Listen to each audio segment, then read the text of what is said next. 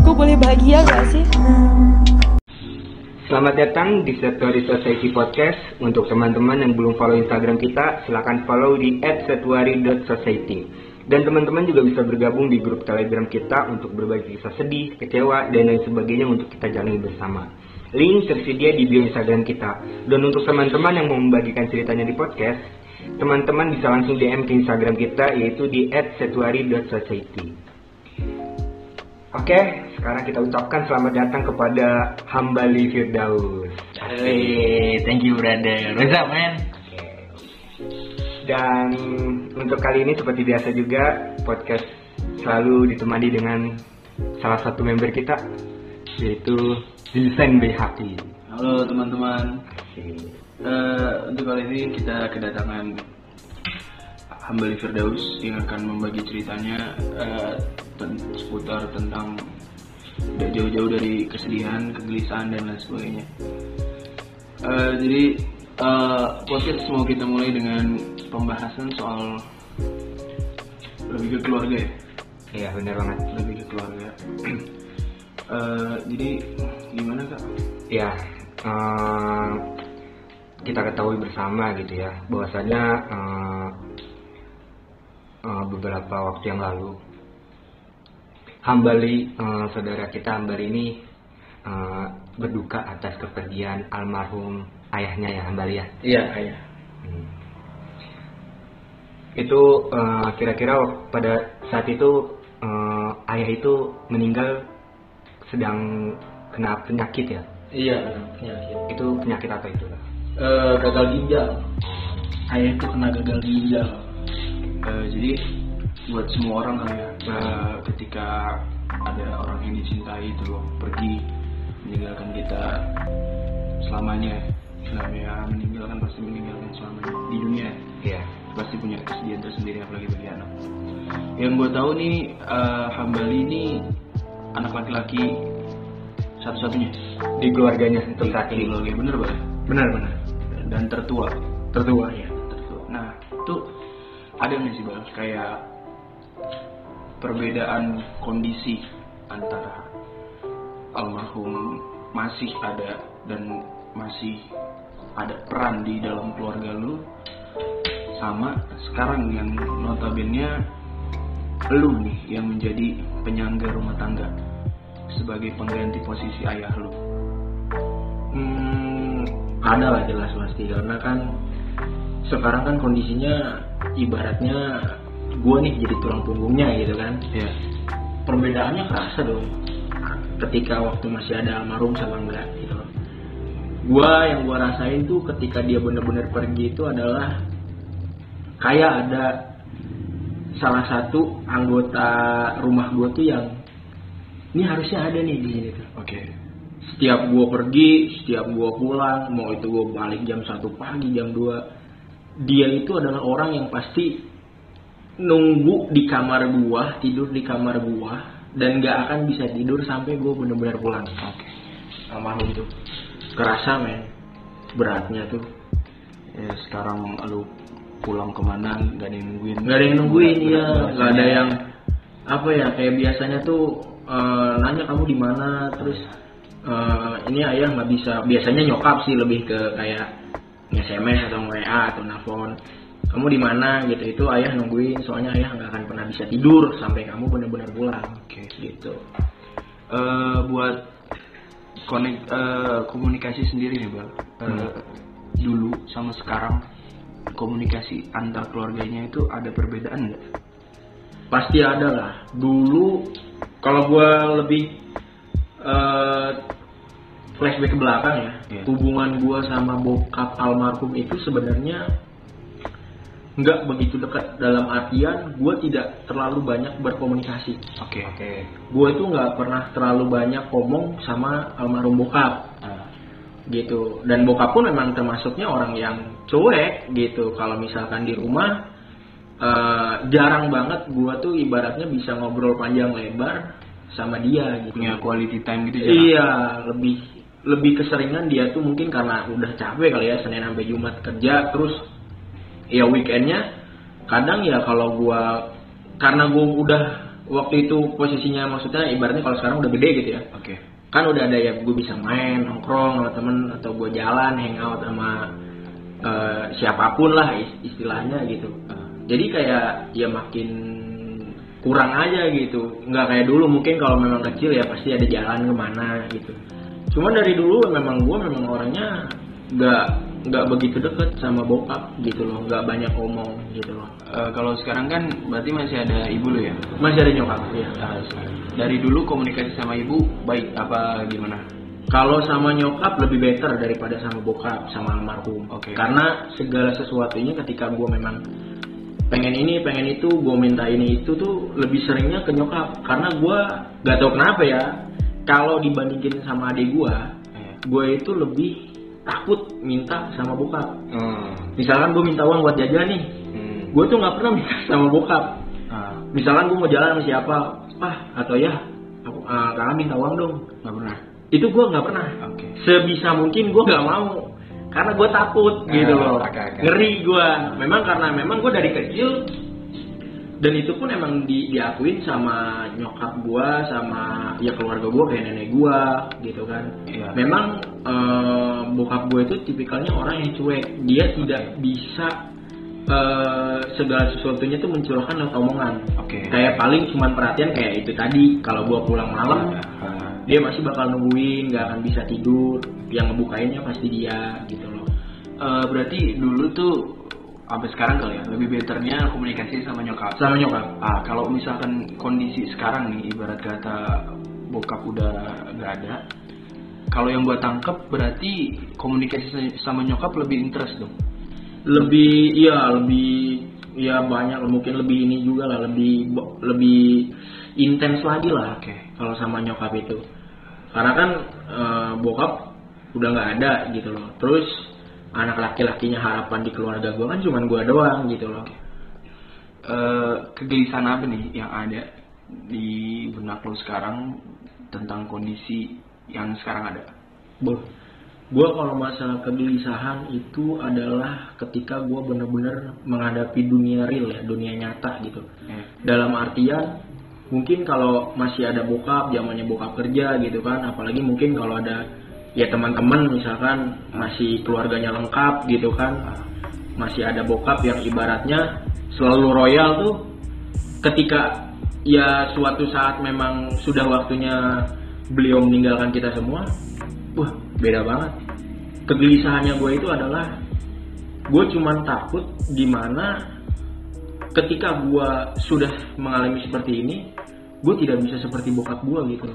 Yang ibaratnya bisa menyuplai keluarga. Karena kan secara secara ibaratnya secara tanggungan pun eh, gua kan sebagai tulang punggungnya pengganti dari bokap Iya. gitu loh. Ah. karena kan udah nggak mungkin gua misalkan ngandelin nyokap gitu. Apalagi adik gua. Adik gua kan masih SMA juga gitu kan baru masuk. Otomatis gua dong sebagai abangnya. Karena ketika dulu eh, flashback ke belakang eh, bokap gua pun mirip-mirip. Ketika dulu kakek gue ninggalin dia.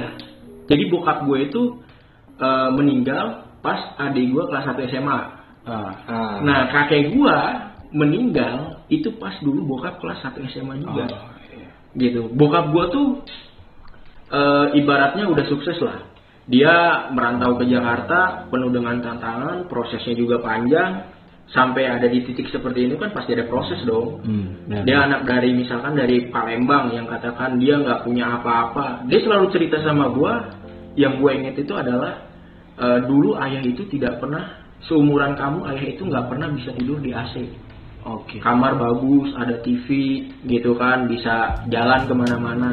Karena dulu ayah adalah orang yang nggak mampu dari situ gue udah mulai berpikir kalau suatu saat gue udah besar nih katakan atau bokap gue meninggal gue kira-kira bisa nggak ya menggantikan peran seorang ayah gitu loh. Ah. sebagai sebagai tulang punggung keluarga sekaligus kakak gitu loh sebab buat adik gue gitu. Jadi kegelisahan gue itu adalah gue cuman takut gue itu nggak bisa seperti bokap gue itu yang menjadi selalu menjadi mimpi karena gue udah mulai ng- ngeliat nih dari nyokap dari adik gue gue cuman nggak mau dianggapnya sama ya sama mereka itu gue orang yang useless gitu.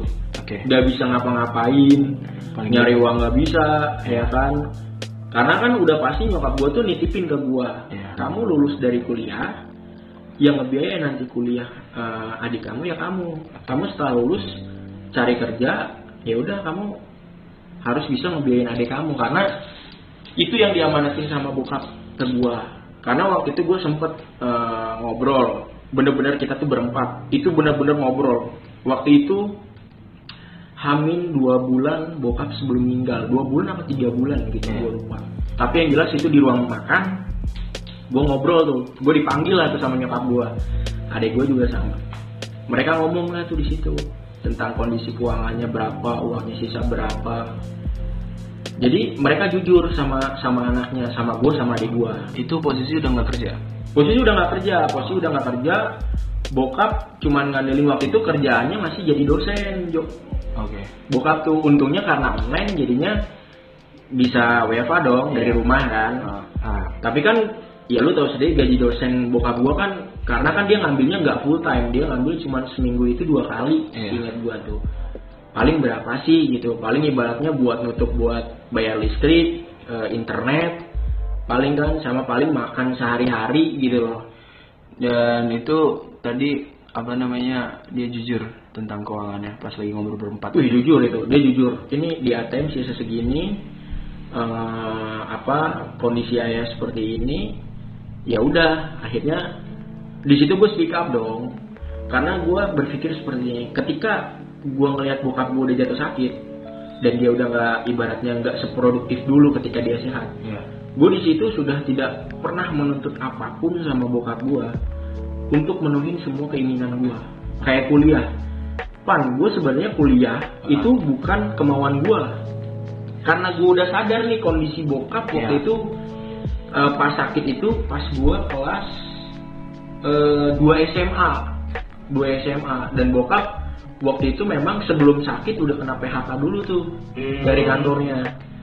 Nah beberapa bulan setelah dia PHK, gue ingat banget tuh akhir tahun 2018 bulan Desember itu gue yang nganterin sendiri sama nyokap gue ke rumah sakit ke ruang IGD akhirnya ketika di apa di check up ternyata hasilnya bokap udah kena ginjal dong. Wah gue udah di situ nyokap udah udah na- nangis tuh gue inget banget tuh raut raut mukanya nyokap gue tuh udah nangis gue pun sebenarnya mau nangis di situ cuman gue tahan gitu loh karena gue di satu sisi gue masih gengsi gitu loh Ah. Mungkin gue mungkin eh, gara-gara sebelumnya juga komunikasi kurang dekat juga ya. Iya, gue jadinya gengsi. Aduh, gue aja sampai yang mau ngomong aja itu kayak mulut gue tuh sampai bergetar gitu. Gak berani gue ngomong gitu. Akhirnya nyokap gue yang berani buat ngomong. Gue ingat banget nyokap tuh gue ngomong tuh kayak gini. Ya, ayah ini ginjal. Wah di situ juga bokap gue juga langsung gimana dong. Ah. Karena memang bokap itu kondisinya waktu itu emang udah nggak mau makan, terus sakitnya terus-terusan gitu loh. Itu saat itu juga adek lu juga udah tahu itu. Adek gue waktu itu di rumah, cuma Oh. belum tahu. Akhirnya ketika gue pulang ya gue kasih tahu. Nah di situ gue udah mulai berpikir tuh, wah nih kalau kena ginjal ini wah ini bokap gimana gitu udah Iya. pasti kan kepikirannya ya ini Iya. mah bertahan lama gitu kan ibaratnya. Nah dari situ tuh gue sebenarnya udah apa ya udah ada keinginan dari diri gue ketika gue lulus nanti gue nggak mau langsung kuliah, gue Iya. pengen kerja. Soalnya kuliah kan pasti butuh dana. Badannya lebih terus Iya. juga gue masih mementingkan adik gue karena Iya. adik gue di satu sisi dia udah mau lulus dan Iya. masuk ke SMA. Ah. Gue prioritas apa prioritasin adik gue dulu dong Hmm. daripada ego gue gue untuk kuliah gitu daripada ibaratnya adik gue sengsara nggak nggak apa namatin SMA maksud gue tuh gue pengen eh, minimal anak-anaknya itu sampai SMA dulu deh gitu Oke. masalah kuliah atau enggak mungkin kan setelah SMA atau SMA kan kita bisa kerja gitu Iya. loh bisa Ah. cari kerja bisa Hmm. ya ibaratnya walaupun gajinya nggak besar tapi setidaknya kita bisa memberikan sesuatu lah ke orang tua gitu loh Ah. Eh, buat kondisi yang sekarang nih, kalau itu kan tadi sedikit throwback ke belakang ya. iya Kondisi sekarang ketika lu ternyata lu kuliah juga, hmm? Ya, lu kuliah dan ada lu juga sekolah. Iya. Dan ya mungkin gua nggak tahu ya, mungkin ekonomi keluarga juga sekarang eh, agak berkurang itu pasti ya? Pasti. Pasti. Nah minus parah. eh, seringnya timbul dalam keluarga berarti lu di rumah tinggal bertiga nih ya? Iya. lu Iya. ibu lu sama lu. Nah, muncul-muncul masalah itu keseringan eh, sebabnya tuh karena apa kalau dibilang sih mungkin hal faktor utamanya ya ekonomi lah. Gua tuh kadang suka nggak enak gini. Mungkin gua nggak tahu ya mungkin karena sekarang kondisinya udah bener-bener keuangan ekonomi keluarga gua nipis tuh kayak gue segala sesuatunya udah udah tahu nih. Nyokap kadang suka mungkin ya marah apa gimana gitu kan. Karena ya gue juga paham lah. Dia juga kan sempat beberapa kali kan kayak misalkan sama adik gue kalau adik gue minta uang nyokap gue tuh eh, bilang udah nggak ada uang gitu. Padahal gue tahu memang sebenarnya ada uang, cuman uang itu tuh kan untuk makan, buat kepentingan buat ya? kepentingan yang jauh lebih penting. Ya, kan. iya. Akhirnya ya mungkin faktor utamanya yaitu ketika mereka mengeluh soal faktor ekonomi, gue juga udah ngomong gitu sama sama nyokap sama bokap, kenapa waktu itu kalian memaksa kakak untuk masuk ke kuliah? Tapi gue paham di situ. Memang mereka pun akhirnya menjelaskan bahwa eh, bokap gue tuh sangat berharap sama gue, almarhum tuh sangat berharap gitu. Dia nggak mau anaknya itu kesusahan seperti halnya dia dulu. Ya. Dulu dia ketika kuliah itu nggak langsung kuliah. Hmm.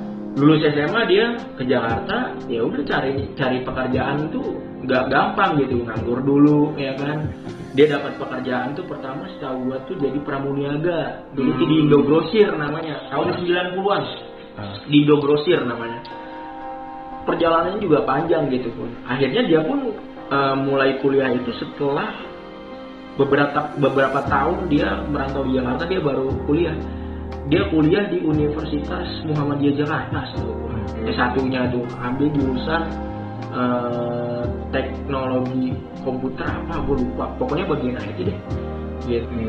Tapi bal, bal, Hmm. eh, eh, yang tadi lu jelasin juga gitu kan, kalau saat ini lu tuh juga kondisinya kuliah, Iya. ada lu juga lagi eh, Sekolah. sekolah Hmm. SMA ya, SMA SMA gitu ya. Iya. Nah, dan melihat tadi juga yang udah lu jelasin juga melihat eh, faktor ekonomi gitu kan, ekonomi saat ini mungkin bisa dibilang susah gitu ya. iya iya susah itu eh, menurut lu yang tadi lu bilang lu tuh takut kan jadi eh, takut eh, nggak bisa menjadi sosok pengganti ayah lu gitu. Iya benar. Takut tidak bisa memenuhi eh, ekspektasi. Ekspektasi Nah. itu nah. Dan lu saat ini kuliah dan banyak kesibukan lainnya gitu lah ya. Iya. nah kuliah ini mungkin biaya yang paling besar gitu ya Biaya di dalam yang besar. kesibukan lu untuk saat ini gitu ya. Iya benar-benar Nah, melihat lu saat ini kuliah, terus juga lu udah bisa dibilang udah di setengah jalan gitu kan ya. hmm. Tadi lu juga mau bilang mau berhenti juga sayang gitu. Iya. Nah, lu ada ada penyesalan gak sih telah memilih gua kuliah dulu apa nanti Di- itu kerja gitu. Iya, di satu sisi gua eh, bilang nyesel, tapi di satu sisi gua memang pengen, Pengen kuliah. pengen kuliah. Nyeselnya itu apa? Karena gua kenapa dulu ibaratnya gua nggak mau nggak mau ngotot gitu loh. Gua nggak maksudnya gua pengen kerja dulu gitu loh. Karena eh, yang bikin gua akhirnya kuliah itu karena keyakinan mereka waktu itu gue sempat menyinggung masalah ekonomi Hmm. secara kuliah gue pun kan kuliah di universitas yang ibaratnya swasta dan itu kan biayanya juga mahal Iya. nggak murah kan. Nggak kayak negeri kan Iya. ibaratnya gitu loh. Dan gue udah mikirin sampai situ. Tapi mereka nyokap sama almarhum bokap tuh meyakinkan kalau untuk masalah bayar gue inget banget kalau untuk masalah bayar kata nyokap "Eh, kamu gak usah mikir itu tugas kami. Tugas almarhum bokap sama nyokap. Hmm. masalah biaya. Yang penting kamu kuliah aja kamu selesaikan kuliah itu kalau bisa cum laude tiga setengah tahun. Hmm. Eks- ekspektasi dari mereka berdua tuh. Karena kan semakin lama perkuliahan kan biayanya semakin semakin mahal. semakin mahal kan gitu kan. Makanya mereka paling kalau bisa kamu tiga setengah tahun ya kalau misalnya nggak tiga setengah tahun minimal kamu tepat waktu kuliahnya empat tahun. Nggak ngaret ya. nggak ngaret gitu kan. Ya udah akhirnya gue dengan setelah mereka ngomong seperti itu akhirnya gue dengan dengan ketabahan hati gue akhirnya ya udahlah mungkin mungkin ini memang keinginan almarhum bokap pada saat itu gitu loh. Memang mereka apa secara eh, keinginan kan ekspektasinya mereka terhadap gua sebagai anak laki-laki di keluarga ini kan pasti gede dong. Anak laki-laki gitu kan. Udah pasti mereka sangat mengekspektasikannya tinggi gitu loh. Ya udah akhirnya gua masuk tuh tapi ketika setelah gua masuk berjalan satu semester dua semester nah ini udah mulai nih. Udah mulai eh, di keluarga gua tuh ribut-ribut masalah tentang keuangan Hmm. ekonomi itu. Wah gue di situ udah langsung ah gimana nih kan? Kata gua kan. Malah buku juga ternyata gue pikir buku dapet gitu kayak Ternyata bayar ya? ternyata bayar gitu kan. Bayar itu kita nyari sendiri gitu kan referensinya gitu kan. Iya iya. Secara kan kita udah bukan siswa lagi mahasiswa gitu kan. Wah kata gue gue udah bingung tuh di situ karena biaya bukunya yang harus dibeli juga ya lumayan. kan ibarat kan tujuh puluh delapan puluh ribu katakan satu buku ya gue belinya misalkan 10 buku gitu kan. Wah kata gue nih. Gue udah udah mikir tuh kan udah mah gue transport bensin terus kan. Seminggu udah dihitung tuh berapa nih total gua gitu untuk makan segala macem wah begitu yang semester dua itu mulai ribut-ribut tuh. Hmm. gue akhirnya langsung speak up lagi di situ. Gue ngomong kenapa dulu bunda malah maksa kakak? Gitu loh. Kenapa bunda malah dulu sama ayah maksa kakak untuk masuk kuliah? kalau memang ternyata baru berjalan beberapa Semester. semester doang udah kayak begini gitu loh. Gue kayak kayak akhirnya di satu sisi juga gue kesel gitu loh. Hmm. tapi gue paham mereka pengen yang terbaik buat anaknya ya udah akhirnya makanya itu gue jalanin akhirnya kuliah gitu kan cuman ketika semester dulu gue udah kayak gitu terus juga kondisi bokap naik turun terus kan Iya. otomatis kan biaya pengobatan harus Iya. supply terus dong Dan penyakit ginjal itu enggak iya nggak murah. nggak murah gitu loh penyakit eh, kena penyakit kayak gitu akhirnya udah mulai nih udah mulai ngestak kan karena kan ibaratnya gaji dari bokap gue untuk ngajar itu kan ya cukupnya untuk yang gue tadi sebutin gitu. Iya. buat sehari-hari sama paling kan ya bayar listrik sama internet gitu dong. Itu berarti hitungan kuliah tuh nggak masuk ya? ibarat iya nggak masuk jadinya. Jadinya gimana ya? Cuman karena memang eh, memang ya bokap gua akhirnya berpikir jernih akhirnya ada salah satu aset yang dijual. Tadinya juga sempet beberapa kayak eh, mobil terus juga ini rumah gua nih sebenarnya rumah gua juga dijual rumah gua tuh dari dulu dijual Hmm. Cuman bokap dulu sempet gak mau rumah dijual. Ruko, jadi rumah sama ruko gue ini tuh sebenarnya dijual, sama tanah di Purwakarta dijual juga tuh. Semuanya aset-aset yang udah dibeli selag- eh, selama ma- eh, bokap sama nyokap gue kerja ngerintis eh, apa eh, kehidupan mereka, mereka kan beli aset tuh. Nah, akhirnya aset itu dijual demi anaknya gitu kan. Demi pendidikan. Demi pendidikan gitu. Waduh kata gue, gue juga gak enak di satu sisi kan Ah. rumah gue mau dijual gue udah wah gue udah karena gue udah besar di sini gue udah mager nih pindah ke daerah mana gitu gue pengen di sini aja gitu loh nah akhirnya ya udah ruko terus ternyata ternyata rumah juga dijual nah bokap itu sebenarnya nggak setuju tuh almarhum tuh sempet debat sama nyokap gue sampai pada akhirnya kemarin sebelum dia meninggal baru dia ngerestuin buat rumah ini dijual karena memang kondisinya udah bener-bener mepet Iya. ya udah akhirnya eh, setelah itu kan setelah yang semester gua semester 2 waktu itu motor dijual ya udah tuh biasa bokap gue itu sempet ngalamin setahun di mana eh, kondisinya stabil Oke. Mm-mm, tahun 2020 kemarin tuh dia stabil nggak pernah eh, nggak pernah kayak tahun sebelumnya pas 2019 dia naik turun tuh. 2020 stabil banget kondisinya. Sampai bulan eh, November kayaknya. November dia mulai tuh. Kan bokap itu almarhum sebelum sebelum meninggal hamil dua bulannya dia sempat dirawat di RSUD Pasar Minggu tuh. Hmm. kambuh lagi tuh dia tuh. Pas lagi covid covidnya kan. Untuk eh, kondisi sekarang dengan kondisi keluarga lu dengan segala kondisi yang berbeda dari sebelumnya. Hmm. eh, ada nggak hal yang paling membuat lu di satu titik eh, lu sekarang umur berapa? Gua 21. di umur 21 ini yang membuat lu kayak ah gue cabut aja dari rumah. Gue gue gue keluar aja lah dari rumah lah. Gue useless banget di sini gue nggak kuat di sini. Ada nggak titik-titik itu Gua ada titik kayak gitu. Gua eh, mungkin karena gua pengen menghindari konflik sih sebenarnya sama nyokap kan. ah Karena kan memang gua sering konflik. Gua gua jujur akhir-akhir itu gua sering konflik sama nyokap. Entah dengan hal kecil gitu kan bisa jadi ribut gitu. Gua akhirnya ada berpikiran gimana ah pakai gue cabut aja. Cuman posisinya gua nggak megang duit. iya. Terus gua mau ke mana gitu kan? Surah salah gitu. Iya. Masa ibaratnya gua mau apa numpang-numpang. Ah kata gua nggak mungkin kan. Terus cari kerja juga susah gitu. Apalagi lagi covid gini kan. Kan semuanya juga lagi pada susah. iya. Gitu kan. Ya udahlah akhirnya ya udah gua akhirnya harus kuat-kuat mental gitu loh. Gimana caranya? Ya gua pokoknya gua harus kuliah yang benar ngasih nilai yang terbaik. Pokoknya gue cepet-cepet lulus terus ya udah gue cari kerjaan. Gue pengen ngebuktiin gitu loh kalau selama ini ekspektasi dari mereka itu bener-bener kejadian gitu. Tercapai. realitanya ada gitu tercapai gitu. Itu gue pengen banget sih kayak begitu.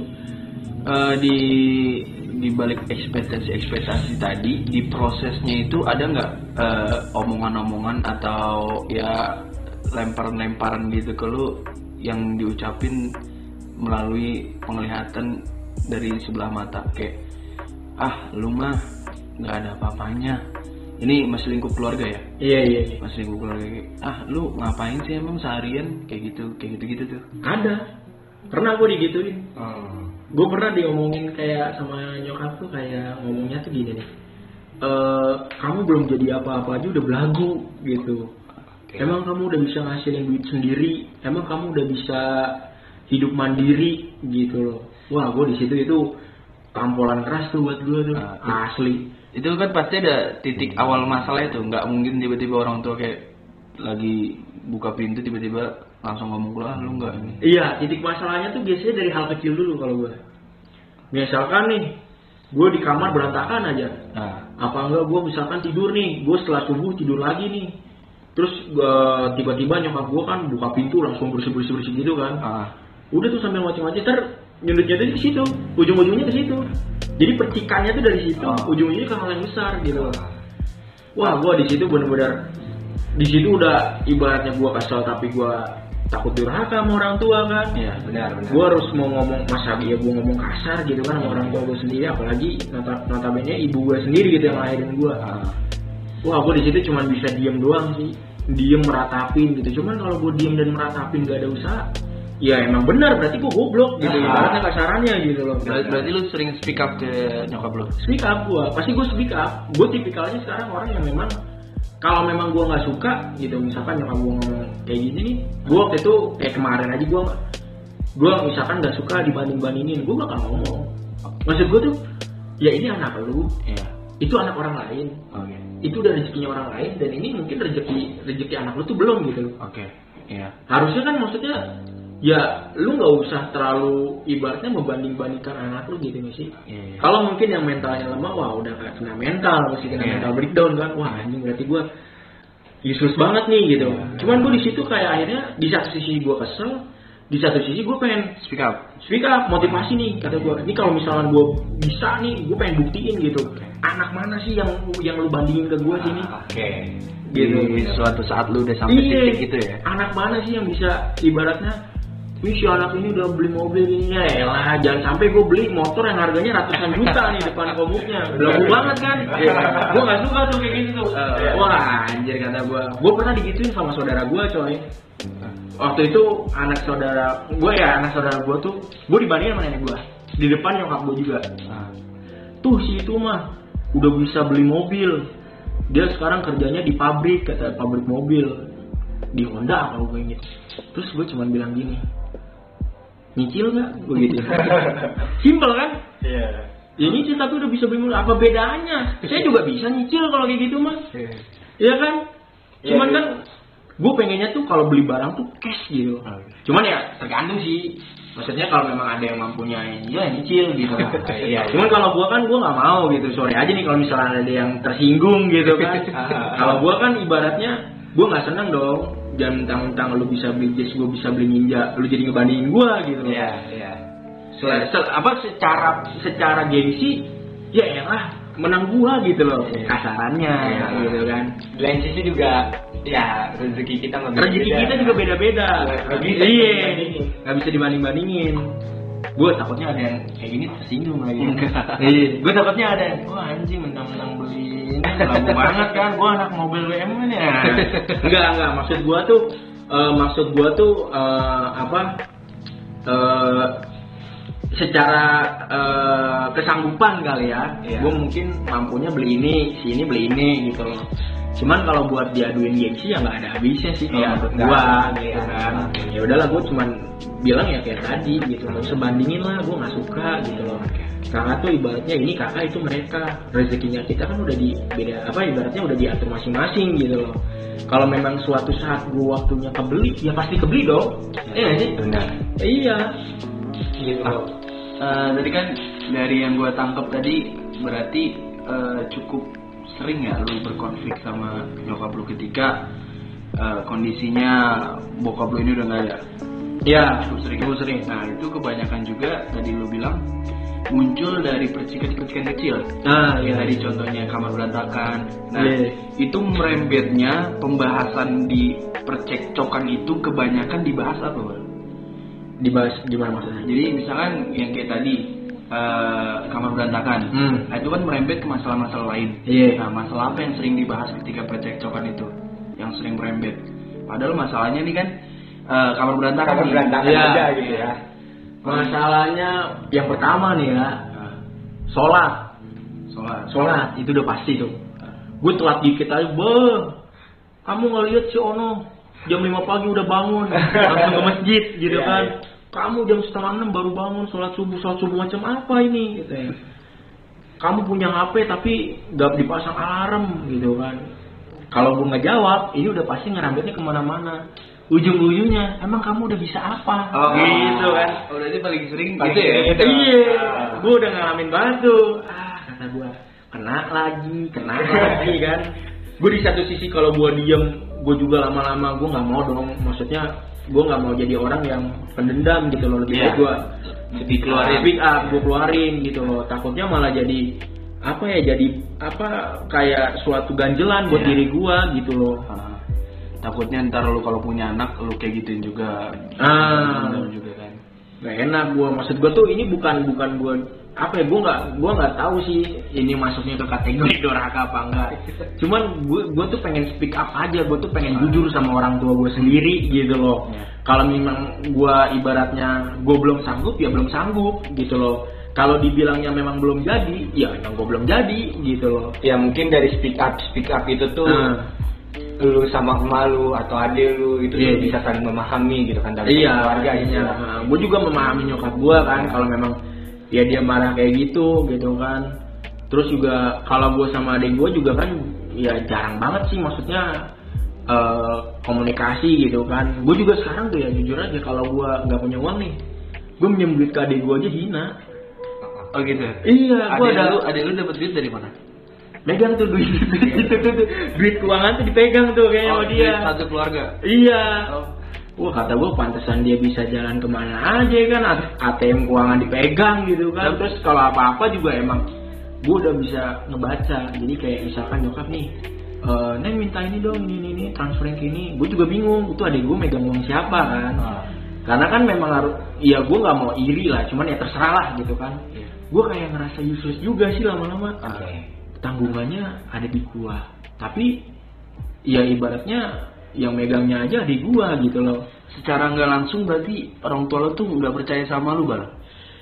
ya gua nggak tahu ya kalau nyokap gua nggak percaya sama gua cuman ya ibaratnya ya itu gua bilang tadi gua mungkin karena masih belum jadi juga gitu tapi gua juga emang emang tipikal orang memang mungkin nyokap gua tuh nggak percaya takutnya duitnya habis dipakai apa-apa Oh, gitu iya. kan. nggak mungkin gua dengan masalah sepele kalau menurut gua itu masalah sepele kayak gitu gua debatin gitu Dan di lain sisi ketika lu sedang belum mencoba untuk memahami itu semua, lu juga pasti membuktikan kalau lu tuh harus bisa dipercaya gitu. iya pastinya Oke, oke, Bal, Bal. Hmm. Kan eh, dari semua tadi penjelasan yang tadi udah lu jelasin gitu kan ya. iya iya iya. Eh, ketika bokap udah meninggal, terus eh, situasi keluarga juga sedang mungkin bisa dibilang susah gitu ya. iya Nah, eh, pasti dalam kehidupan ini kita semua pernah mengalami yang namanya titik terendah gitu ya. iya Nah, titik terendah yang menurut lu itu yang membuat lu bener-bener parah gitu titik terendah Hah? itu tuh itu tuh saat apa? Saat ketika bokap lu meninggal atau saat ini atau ada hal lain yang membuat emang ini titik terendah? Yang bahkan orang-orang tuh ketika berada di titik terendah kayaknya gue harus bunuh diri aja deh. kayak gitu. oh iya, iya. lu pernah pernah ada gak sih di fase titik terendah itu tuh? ada itu gue fase pas ya itu pas bokap gue meninggal Oke. karena gini kak gue gue ya namanya umur gak ada yang tahu Iya. ya kan gue juga gak nyangka bokap tuh pergi secepat itu titik terendah gue tuh ya itu ketika gue gue ingat banget tuh hari-hari di mana bokap meninggal karena gue yang nemenin. Yang ngetalkin bokap gue meninggal nyokap gue nunggu di mobil kan karena dia di ruang cuci darah. Gue ingat banget. Wah itu ketika gue tahu eh, gue ingat suster itu ngomong ngomong bokap gue udah nggak bisa ditolong itu ketika eh, di depan gue sama eh, nyokap gue Oke. gue inget banget tuh nyokap gue tuh jadi eh, nyokap gue nelpon gue di mobil dia bilang kak kak eh, ini ayah udah kritis wah kalau udah kritis berarti nggak nggak sadarkan diri dong Iya. Iya. gue lari tuh ke atas tapi gue di situ sebelum gue ditelepon gue nelpon eh, cewek gue gue nangis tuh di situ Oke. dan gue udah berkeyakinan bahwa ini kayaknya bokap lewat deh Hmm. Iya. Wah, gue itu udah ibaratnya udah gue udah nggak tahu harus gue nanti mau ngapain mau gimana. Itu gue nggak bisa mikir. Karena yang gue pikirin kan adalah bokap. Ketika ditelepon gue makin jadi, wah gue nangis. Tapi gue pura-pura ibaratnya gue harus tegar. Iya, iya. Gue ke atas, nyokap gue udah nangis-nangis, nelfon keluarga. Gue nelfon eh, apa teman-teman komunitas gue kan, maksudnya minta doa gitu loh. Iya. Nyokap, kondi- eh bokap almarhum kondisinya udah kritis. 10 menit setelah itu bener men. Itu gue disuruh sama nyokap ke bawah beli air buat dia. Pas banget ketika gue mau naik lift, gue balik lagi karena si suster keluar tuh yang habis eh, pakai alat jantungnya itu. Hmm, ya, suster yang nanganinnya keluar. Bu kita udah melakukan semuanya ya, mulai dari yang se- se- apa yang jantung terus segala macam yang pakai alat-alat. Mohon maaf bu, kita sudah melakukan yang terbaik. Jadi kata nyokap gue, jadi gimana? Eh, suami saya udah nggak ada ya? Iya. Wah di situ gue langsung, wih men, itu bener dah, itu bener-bener kayak ibaratnya gue bener-bener ditampol sekenceng-kencengnya. Yang gue nggak bisa ngomong pakai kata-kata. Nyesel gue di situ wah gue titik wah ini parah nih. Gue terpuruk banget di situ men. Gue nggak bisa berpikiran jernih. Karena gue bener-bener sedih. Akhirnya gue paksa masuk masuk ke dalam. Gue akhirnya nangis akhirnya gue peluk nyokap gue bawa kamar bokap gue cium gitu. Gue bilang di situ tuh gue pokoknya sedih gitu. Pokoknya gue nangis senangis nangisnya gue akhirnya susternya ngomong orang-orang di situ tuh yang cuci darah ngeliatin juga. Akhirnya "Oh, udah mas jangan sampai kena air mata gitu. Akhirnya gue keluar gue nenangin nyokap gue adik gue baru datang tuh dari rumah. Terus nanya kak kenapa nangis gue langsung ngomong to the point. Nggak ada kayak kayak sinetron. Hmm. udah kamu tenang aja gini gini. Nggak ada itu kayak gitu tuh. Kayak FTV FTV nggak ada. Gue langsung bilang to the point ayah udah meninggal. Wah nyokap adik gue nangis juga. Nangis dia kejar tuh di situ. Gue udah tenang tuh di situ kan. Ibaratnya gue berusaha untuk tegar lah. Tapi percayalah itu adalah masa di mana titik terendah gue padahal gue tuh ngerasa terpukul banget di sini. Gue nggak bisa berpikiran apa-apa tapi ketika gue ngeliat nyokap adik gue nangis gue nggak tega.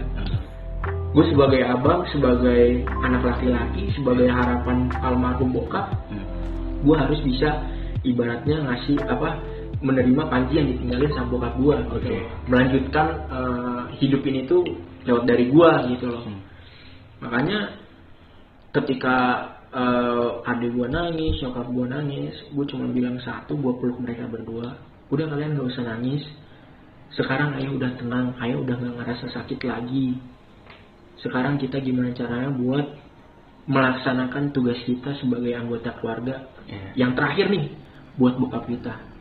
Gue mandiin kan karena kan semua kaget tuh. Gue tuh pulang dari situ gue duluan memang karena gue ngurusin rumah.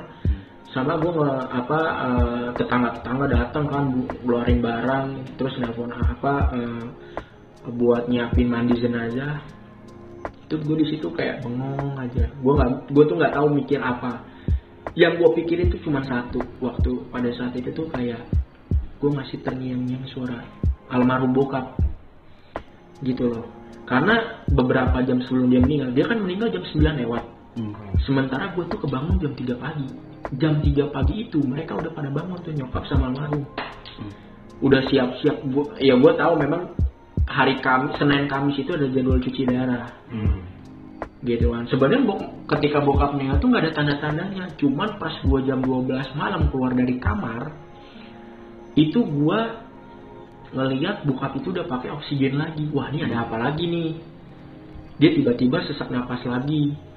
Sampai dia kayaknya nggak tidur tuh. Dia bertahan itu sampai dia meninggal itu dia bertahan akhirnya ketika dibawa ke rumah sakit pun jam jam tiga jam 4 pagi tuh Eh, ya udah gue bangun kan nyokap gue gue sholat subuh nyokap gue tuh nyuruh nutupin pintu gerbangnya gue tidur lagi tuh. Gue kaget tiba-tiba jam 6 tuh telepon sama nyokap gue kak kamu ngambil surat apa ya? Pokoknya yang apa gue lupa. Pokoknya surat itu tuh buat eh, pindah dari rumah sakit eh, anak ke rumah sakit mitra buat cuci darah buat bisa cuci darah di mitra. Hmm. dari anak. Gue minta tolong akhirnya gue bangun adek gue gue minta tolong sama adek gue ba- bareng-bareng tuh. Nah ketika di situ gue udah ngeliat bokap gue tuh udah ternyata dikasih tahu kondisinya udah waktu itu oksigennya itu udah 30% kadar oksigennya. Lebih parah dari yang sebelumnya. Wah gue di situ udah nggak bisa berpikir apa apa yang jelas itu udah terpuruk banget gue dan gue di situ yakin bakal ah ini kayaknya bokap lewat. Dan benar akhirnya ketika jam 9 itu kan dia meninggal gue nyiapin apa itu gue kayak nggak bisa berpikir apa apa sih gue kayak cuman diam aja. Gue nggak tahu gue mau ngapain saat ini gitu.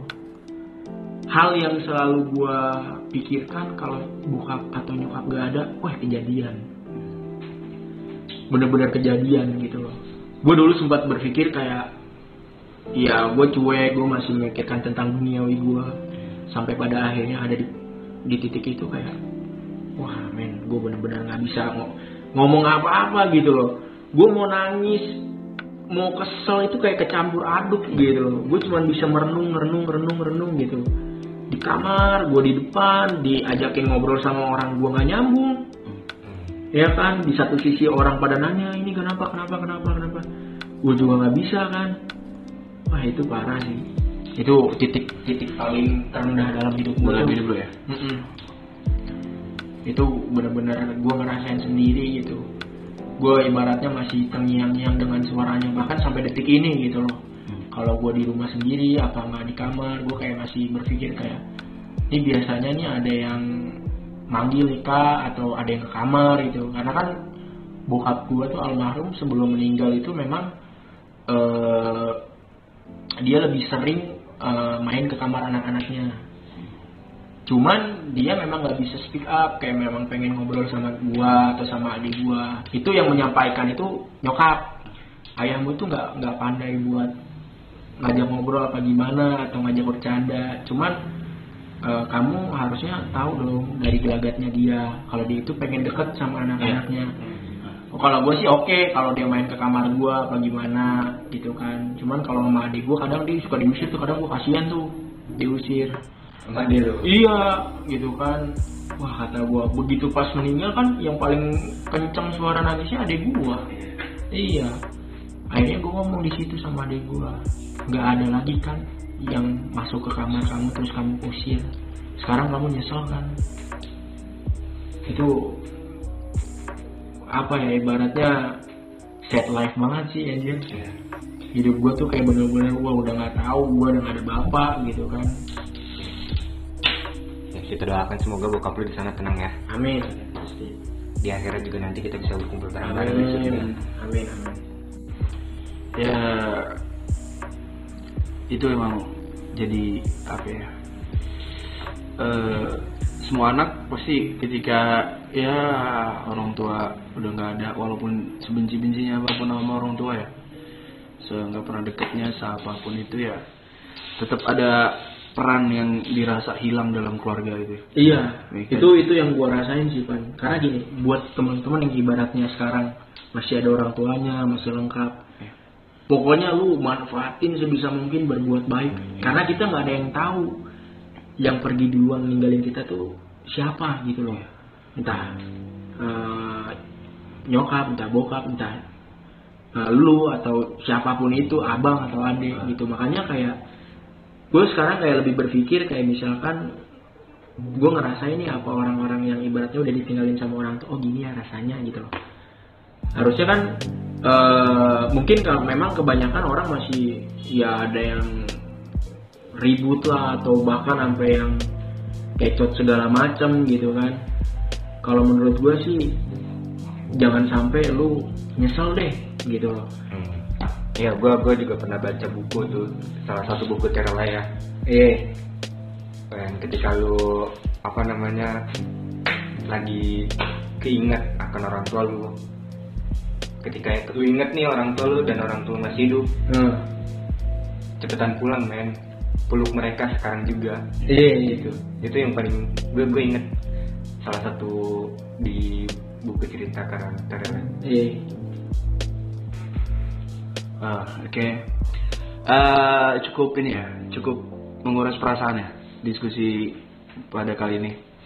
Ya terima kasih buat Hambali udah mau membagi kisahnya. sama-sama Eh, semoga ad- banyak apa yang banyak kita ah, jadi susah ngomong nih gua masih terbawa gua.